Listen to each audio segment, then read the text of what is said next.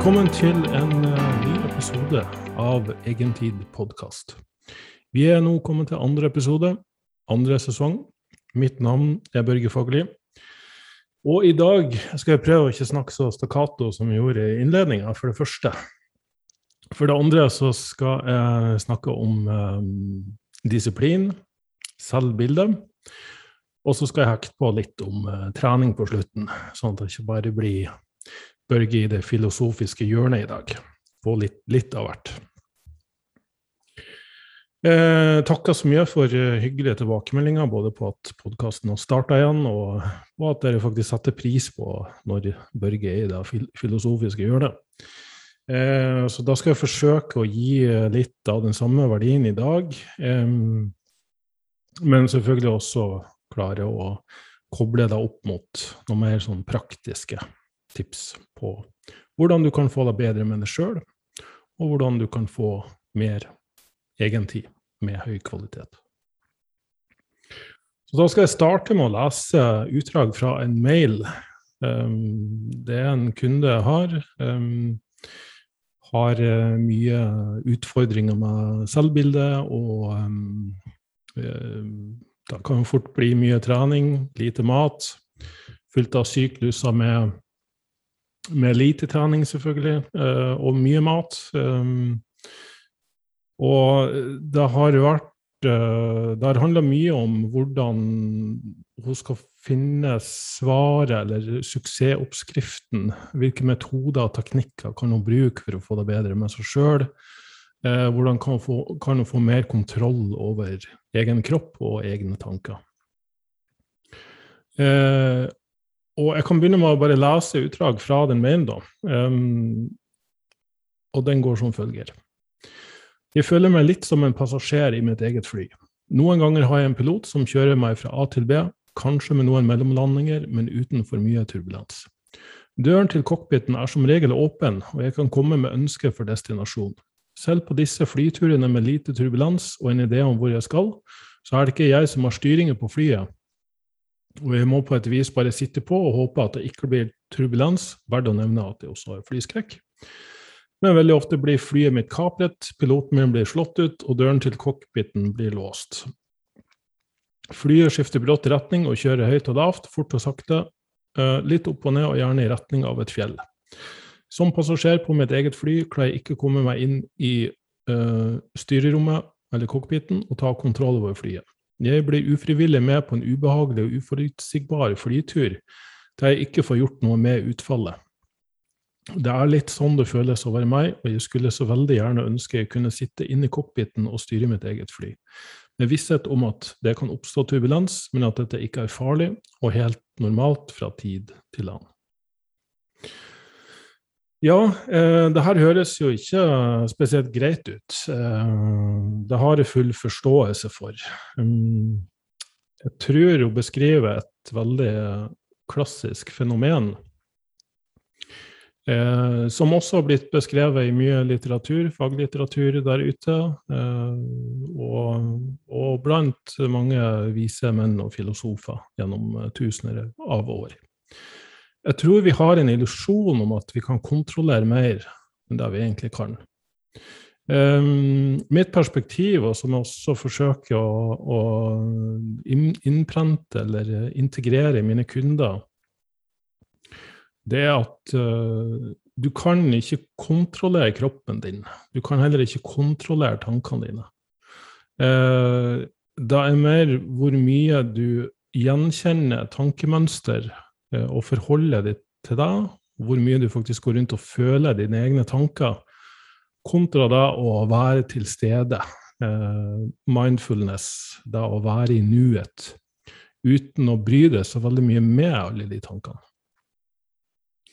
Eh, jeg vil henvise til Daniel Kahneman. Han har jo beskrevet det her i, i sin bok 'Thinking Fast and Slow', der med metaforen om at system 1, elefanten, er da eller såkalte reptilhjernen, også beskrevet i andre, andre bøker, eh, som er da vil-ha-systemet. Det er liksom da impulsive, intuitive, primitive. Det som oppsøker belønning og glede og unngår smerte og ubehag. Det kan vi for øvrig også kalle prinsipp 1.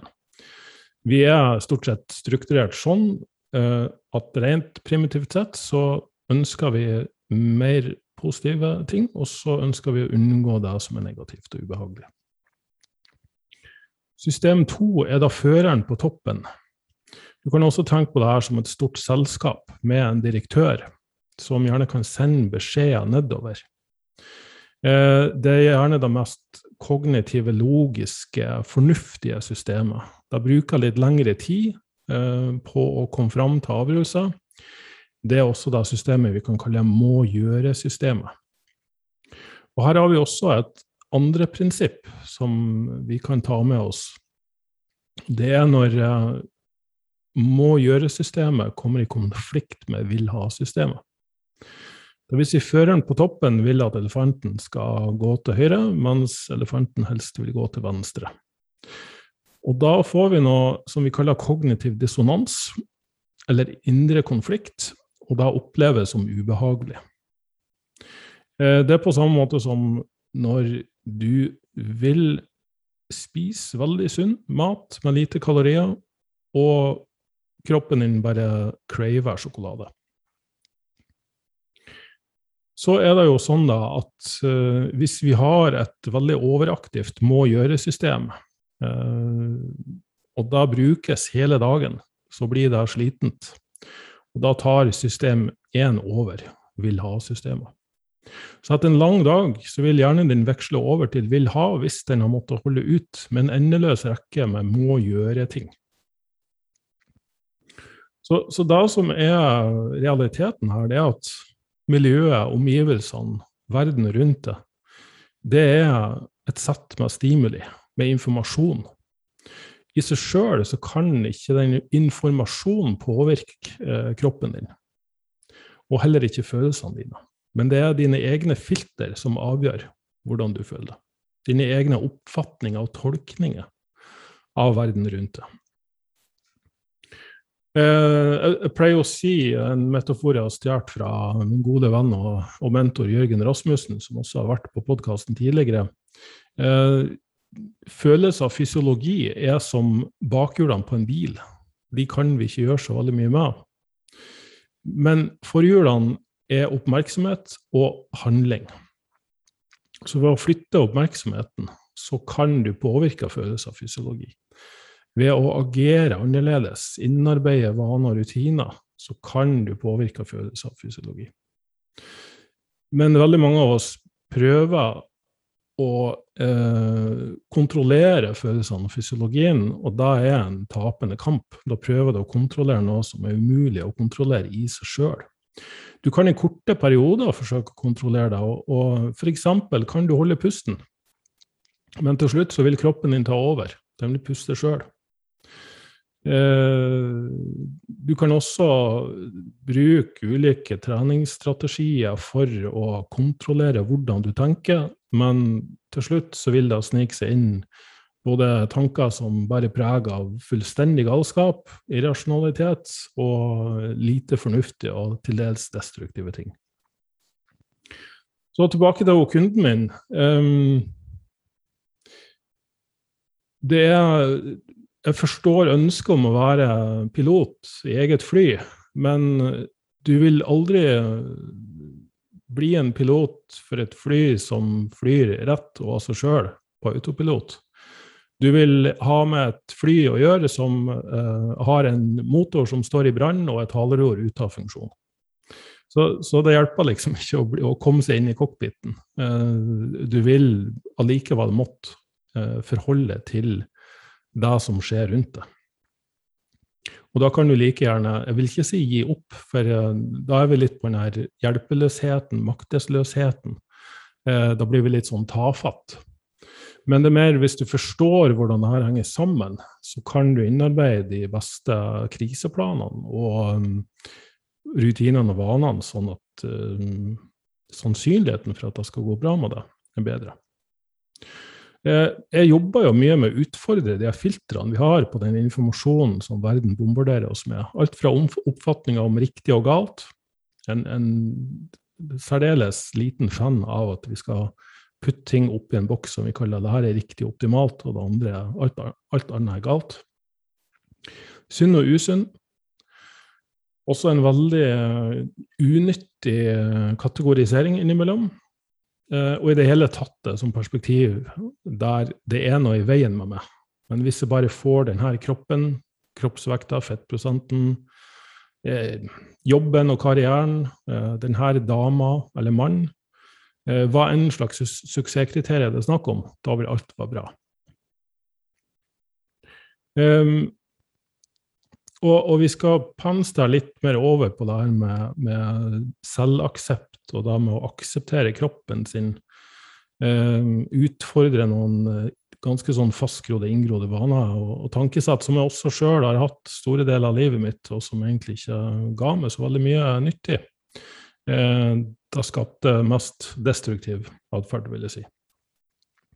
Så um, i alle hovedsak, du kan trene system 1, du kan trene elefanten med føreren, system 2, ved å innarbeide gode vaner, inkludert tanketrening. da. Eh, men full kontroll vil du aldri få, og jeg tror det er nyttig å både tilbringe litt tid med å ja, kalle bli venn med ubehaget. Eh, dere husker kanskje podkasten med Rikke, da vi snakker om nærmere uro, indre uro. Og det er klart, det første prinsippet med at vi oppsøker belønning og unngår smerte, det vil dominere ganske kraftig hos oss. Men jeg tror det er mye læring i oss å klare å eh, sitte litt med vonde følelser og ubehag også, eh, og tolerere det.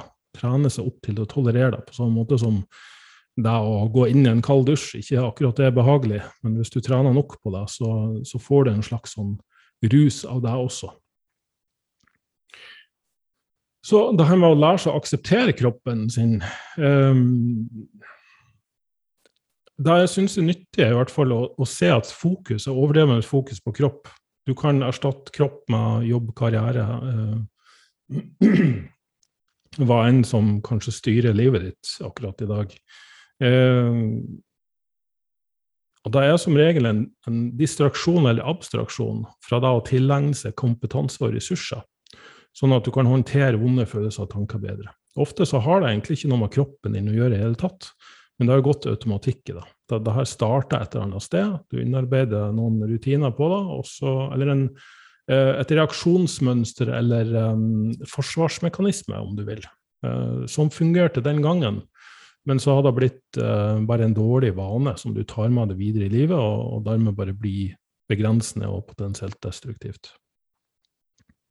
Så, så, målet er ikke at du skal elske hver centimeter av kroppen din, men når fokuset flyttes mer over på utvikling, endring, og, faktisk til og med leking og utforsking eh, Lære å leke med kroppen din, utforske det sjøl.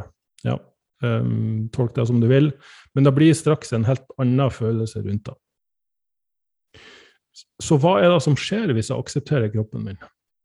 Vil jeg bli feit? Det er en, en sånn uh, myte eller misforståelse mange kanskje har satt seg litt fast i. Ja, men hvis jeg bare aksepterer meg sjøl og er tilfreds med meg sjøl, da vil jeg kun oppsøke belønning og glede og nytelse og spise veldig kaloririk, smakfull mat og, og la, la være å trene. Eh, men spørsmålet mitt da, har, har det egentlig fungert å hate kroppen din, og mislike kroppen din? Har, har det fungert veldig bra for deg? kan det være at det finnes bedre måter å motivere seg sjøl på enn å stå og kritisere seg sjøl hele tida. At det er noe feil med det. Hvor mange OL-gullvinnere tror du som står på startstreken og tenker at du er en dårlig sprinter, dårlig langrennsløper? Du duger ikke til noen ting. Du er stygg, øh, overvektig, feit, ekkel. øh, det er masse i veien med deg.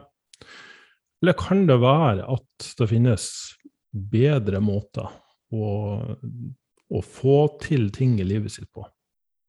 Statistikken på slanking er jo ikke spesielt imponerende.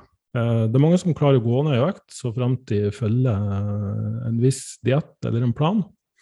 Men eh, med mindre du har innarbeidet gode spisevaner, dvs. Si du må fortsette å spise som en person som veier den vekta du ønsker, da har du større sannsynlighet for å klare å holde der, heller enn de kortvarige diettene, de kortvarige endringsprosjektene, som ofte strander når eh, livet møter det optimale. Kan det være at du forfølger en fantasi der verden blir mye enklere hvis du bare får en fin kropp?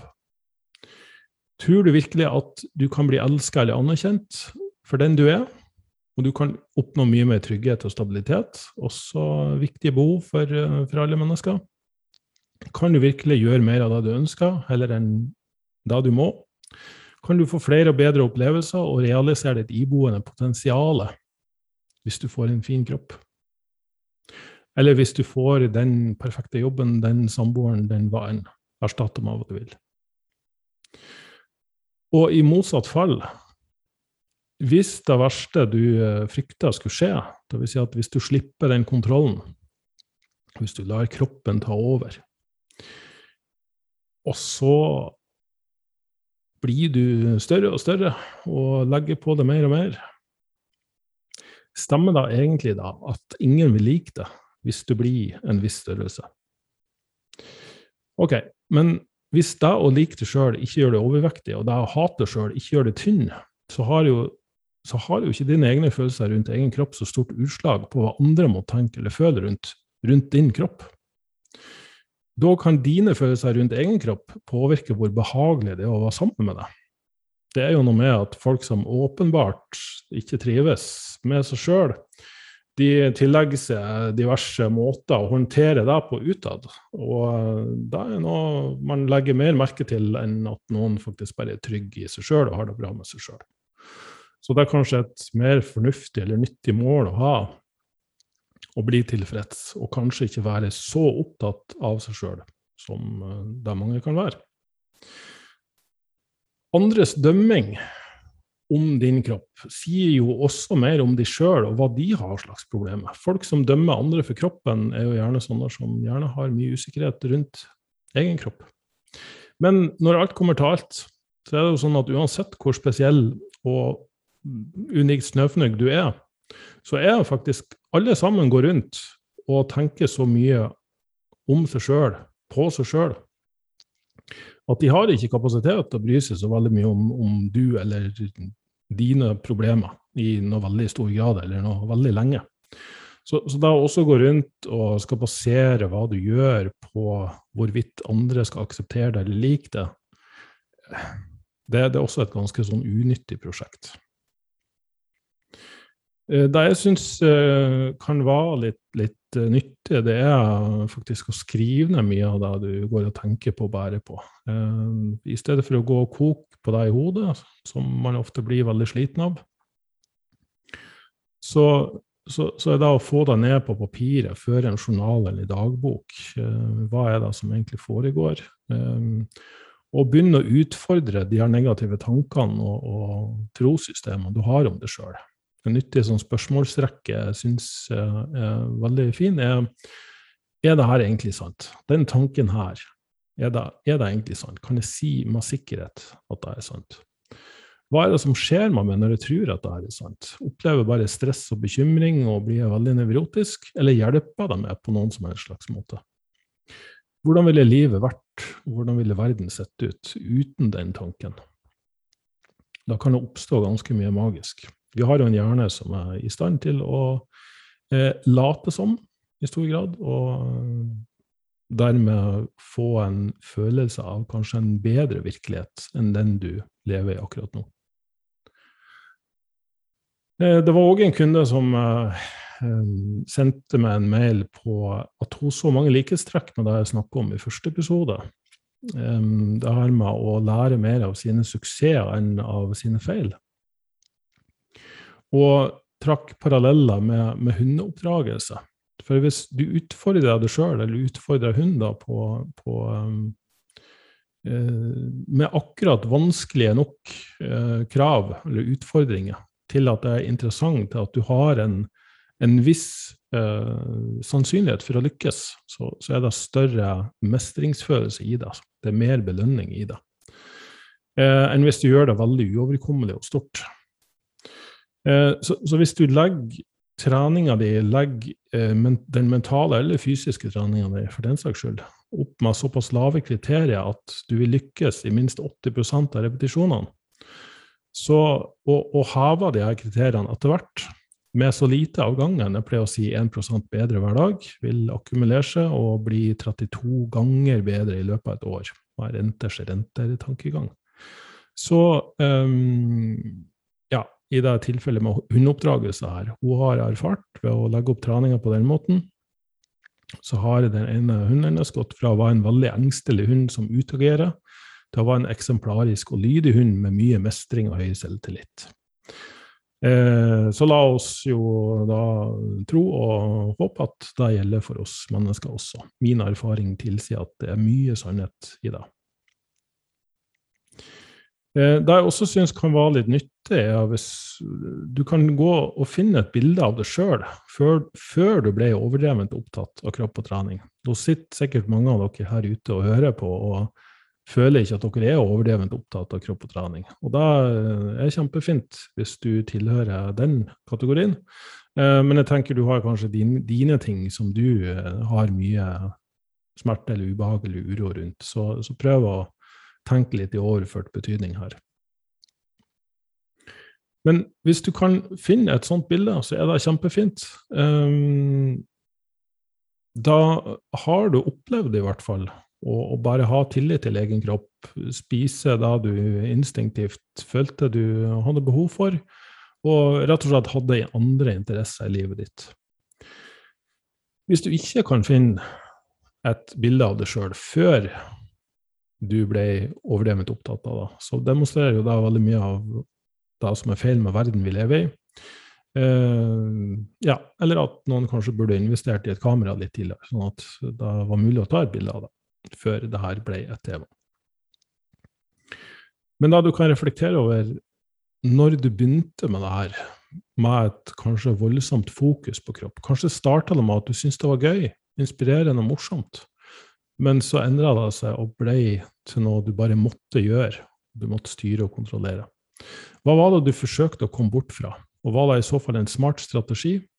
Eller kan det være andre og mer nyttige strategier som du bare gikk glipp av den gangen fordi du valgte å fokusere på kroppen din?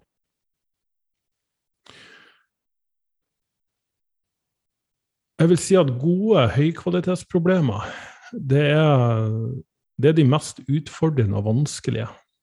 Det er de der du stadig kan utvikle det. Det innebærer gjerne litt uh, frykt, uh, men mest spenning, forhåpentligvis. Og det er gjerne de som gir størst mulighet for vekst. Uh, store endringer i livet krever nettopp at man går gjennom utfordringer. Eller så luller vi oss inn i en sånn komfortsone som egentlig ikke er komfortabel, men vi har bare blitt veldig vant til den. Og så skaper vi gjerne egne problemer, eller det oppstår sånne små problemer som konsekvens av at vi holder på med det vi gjør, som vi kan bruke litt uh, tid og oppmerksomhet på å løse, sånn at det gir akkurat nok tilfredsstillelse til at vi velger å bare fortsette å ha det. Så alternativet blir da litt, litt for tøft, rett og slett. Og da er som sagt poenget mitt, hvis du klarer å bryte det her ned og gjøre det litt mer overkommelig, i mindre delmål, så og ikke minst um, utforske dine tankemønstre og oppfatninger rundt det, og, og, finne ut av er det her egentlig noe som gir det noe, eller er det noe som har fått et mer og mer destruktivt preg. Og hvis vi skal dra det helt opp på et sånn eksistensielt nivå, hva er det du vil reflektere tilbake på før du dør? At du skulle ha spist litt mindre kalorier den dagen, eller hatt en litt mer synlig sixpack? Du skulle ha tatt litt mer i bankplass eller knebøy? Du skal ha bare litt bedre kondisjon.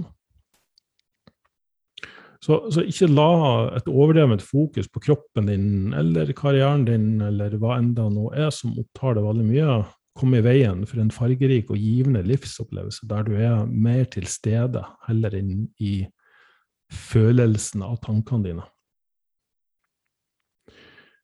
Så følelser kan gi oss informasjon, men du kan ikke styre livet etter dem, fordi følelsene kan styres av så mye.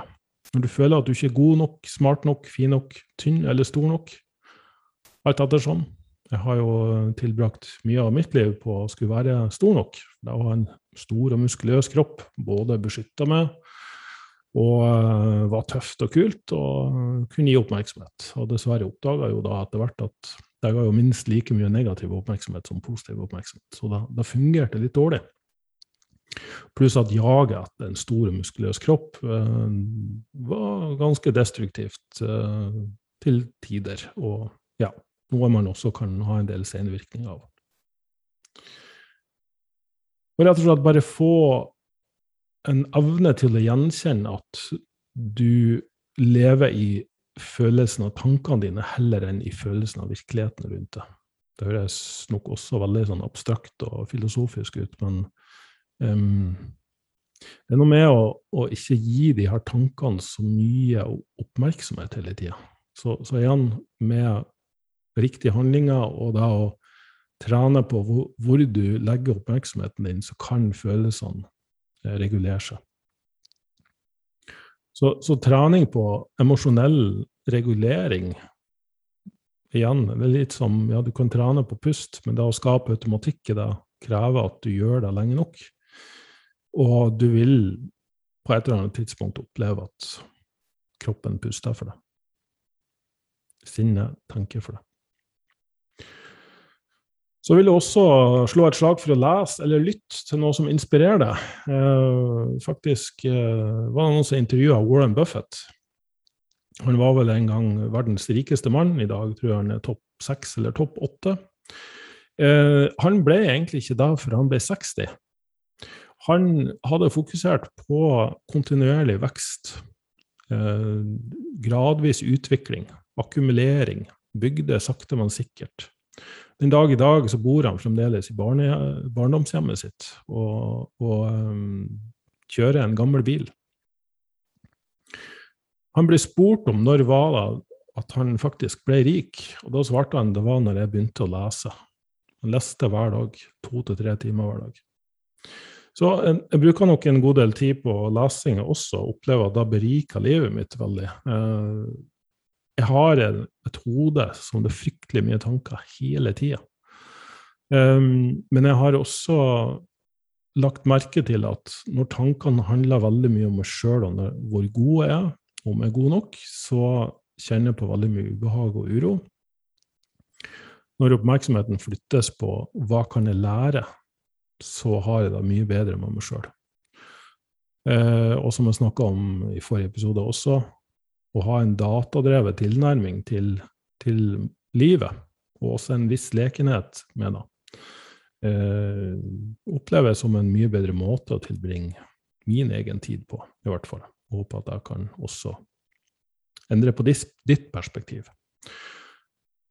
Hva tenker du kan skje hvis du endrer perspektivet ditt? Hvordan kan livet ditt være om ett år, tre år eller ti år, hvis du i dag begynner å utfordre det som du går og tror er sant. Og hvis de tankene bare skaper stress, uro, bekymring og fører denne destruktive mønster, kan det kanskje være at livet hadde sett annerledes ut hvis du hadde klart å la være å tro på den tanken, rett og slett. Ok. Um, la oss gå over til et mer praktisk uh, felt ser vi uh, allerede har eh, snakka en stund, så jeg syns det er fint å få en liten sånn pragmatisk avslutning. Snakke om trening. Det er også noe som interesserer meg veldig. Det var en som uh, sendte meg en studie, og hei, har du sett det her?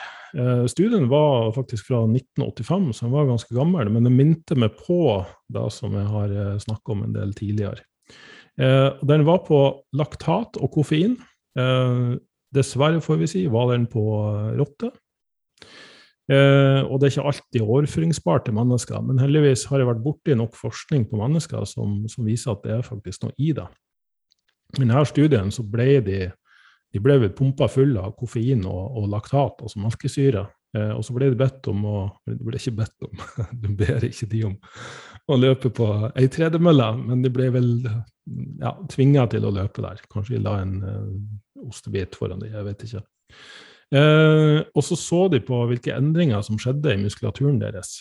De som hadde blitt utsatt for laktat og koffein, jeg vil bemerke at eh, det var kombinasjonen de så på. De så ikke på enten laktat eller koffein. Så det er ikke dermed sagt at koffein vil ha denne effekten. Jeg kjenner ikke til noen studier som viser at det her skjer med koffein, men i hvert fall jeg vil fremheve akkurat det her med laktat. De hadde sterkere anabole signaler, dvs. Si muskelbyggende signaler i muskulaturen. Eh, og de hadde også en effekt på noe som heter satellittceller. Satellittceller er dormante celler som, som uh, kan omdannes til å bli uh, muskelceller hvis de aktiveres. Så det er to måter en muskel kan bli større på. Det er hvis cellen blir større, og muskelfiberen dermed blir større. Uh, men involvert i denne prosessen er også hvis den cella får flere såkalte cellekjerner. Eh, og det kan den få hvis du aktiverer denne uh, prosessen med satellittceller. Satellittcellene smelter sammen med hovedceller og donerer cellekjernen, og dermed har den større potensial rom for, for, muskelvekst. Er noe jeg skrev en artikkel om helt tilbake i 2013, husker jeg, uh, som heter 'Reignite Progress with New Science'. Um, den ligger på Elite FTS, elitefitness.com. elitefts.com de som vil lese den. Nå står det ikke under mitt navn. Navnet mitt har blitt fjerna av en eller annen grunn. Men uh, det er i hvert fall jeg som har skrevet om den, og nevner da at myoreps Jeg har erfart at ved å bruke høyrepstrening, uh, eller myoreps, som da er en variant av høyrepstrening, der du maksimerer det her med laktat, metabolsk stress, så, så, har det satt i gang muskelvekst hos folk som har trent veldig lenge og ikke kommet noe lenger, at, at de har stagnert litt. Jeg har jo også både publisert og upubliserte data fra Mathias Wernbom. Eh, Snakka om han en del tidligere. Eh, hjelpa meg med å, eller bidro veldig til utvikling av myoreps. Eh, og han har jo sett, de har studert eh, styrkeløftere og godt trente folk på Olympiatoppen. Uh, eller Norges idrettshøgskole. de ligger på samme sted, så det spiller vel ingen rolle. Um, som har, hadde trent veldig lenge, men egentlig ikke hatt noe særlig endring i muskelvekst de siste én til to årene. Etter sånn okklusjonstrening, eh, dvs. Si, eh, altså blood flow restriction, BFR, der du har sånne blodtrykksmansjetter rundt armer og bein, og så fikk de de til å trene beinpress eller eh, beinspark, leg extension, så så de at når de da gikk tilbake til den vanlige treninga, så fikk de en liten boost i muskelvekst. Først så tenkte jeg ok, her er bare inflammasjon, det er en sånn betennelsesreaksjon i muskelen. Men de så at den vedvarte. Det vil si at det sannsynligvis trigga og aktiverte eh, de såkalte satellittcellene. Eh, og da hadde det vært studier som målte at uh, okklusjonstrening så målte de en økning i satellittcelleaktiviteten. Eh, og min teori var da at hvis du uh, trente myoreps, eller høyrepstrening eller okklusjonstrening, lette vekter, masse reps for å ta brenn og svi skikkelig, skape laktat i muskelen, følge da opp med tung trening, kanskje ikke samme dag, men neste dag eller i neste treningsøkt, så kan du sette i gang muskelvekstprosessen igjen. Eh, virker veldig interessant. I ren praksis så har det vært forskjellige varianter av uh, denne type organisering av trening som, som, har sett ut til at det kan ha noe å si. Uh, det er ei gruppe med forskere, uh, Goto et al., um, som så på ulike treningsprogramdesign. Det ene var at de la til et høyreoppsett etter tung trening. Det andre var at de trente droppsett, trippeldroppsett. Starta på ei tungvekt, kort pause, tok av vekt. Masse reps, kort pause, tok av vekt, masse reps. Tre sånne trippeldroppsett var det vel. Uansett, jeg tror ikke protokollen har så veldig mye å si, men, men kombinasjonen av tung og lett trening eh, viste da bedre utfall enn de som bare trente tungt, eller bare, de som bare trente lett. Så var det en uh, studie som kom, da var basert på en masteroppgave, svensk masteroppgave eh, fra hva var det, 2017, da. Nå skal jeg bare dobbeltsjekke den. Eh, Kortobius og Vestblad, Niklas Vestblad. Og grunnen til at jeg kom over den her, var vel at eh, de hadde brukt Vernbom som um, rådgiver. En av rådgiverne. Den studien heter 'Optimizing Strength Training for Hypertrophy'. Uh, og der, hver fjerde uke, så la de inn uh, okklusjonstrening. Uh, den var ganske ekstrem, den protokollen. Det vil si de trente tre, tre ganger i uka, og da var beina de studert, så de trente vel beinpress og leg extension, altså beinspark. Eh, med relativt tunge vekter var vel mellom fire til åtte repetisjoner. Dere husker kanskje fra forrige gang at jeg mente at fem til åtte reps eh, er et veldig effektivt repsområde for de aller fleste. Um, og hver fjerde uke så trente de fem dager på rad med okklusjonstrening. Det er ganske brutalt, vil jeg si. Uh, og det er nok sannsynligvis ikke nødvendig å, å, ha en såpass brutal tilnærming til det. Jo, den ble publisert i 2016, serien. De registrerte en av de høyeste muskelvekstratene, altså den største muskelveksten. Dette var på utrente, vel å merke. Det var ikke på godt trente, det var på utrente. Men, men, en av de mest imponerende muskelveksthastighetene, eller ratene, som, som noensinne er gjort i noen studier. Jeg tror også de tok høyde for inflammasjon, altså oppsvulming av muskelen. sånn at de lot det gå noen dager etter siste treningsøkt før de målte. Det mener jeg ganske viktig. Alle vet at dagen etter at du har trent, så er du litt sånn, litt sånn småhoven, har litt sånn resterende pumpe i muskelen. Og det kan gi en falsk følelse av muskelvekst. Altså det er mer den permanente muskelveksten der du faktisk har akkumulert proteinstrukturer i muskelen som, som faktisk viser at du ja, du kan flytte vekt med den. Eh, og da må det gå litt tid mellom øktene eh, før du kan få en pålitelig måling.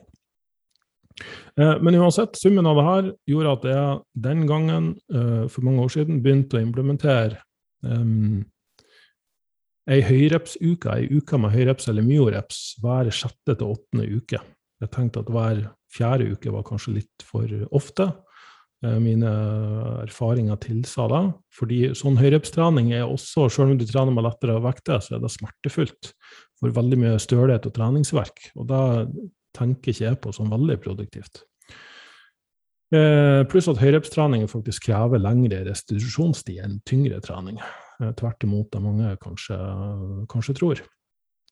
Det er nok fordi man tar seg såpass mye ut, og det er mer sånn langvarige prosesser i kroppen som må uh, settes i gang, enn ved tyngre trening der det bare er liksom proteinstrukturene som strekkes og, og må bygges opp igjen.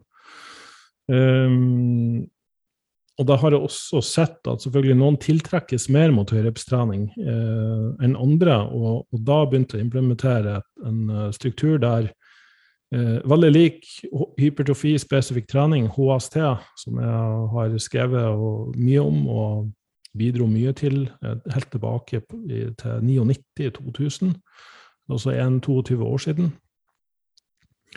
Eh, der du starta på høyreps, 15 reps, og så kjører du 10 reps, og så kjører du 5 reps. To uker på hver, fire uker på 5 reps. Eh, det gjør jeg to til fire uker i hvert repsområde, fra 15 til 20, 12 til 15, 9 til 12, og så 5 til 8 avslutter man da.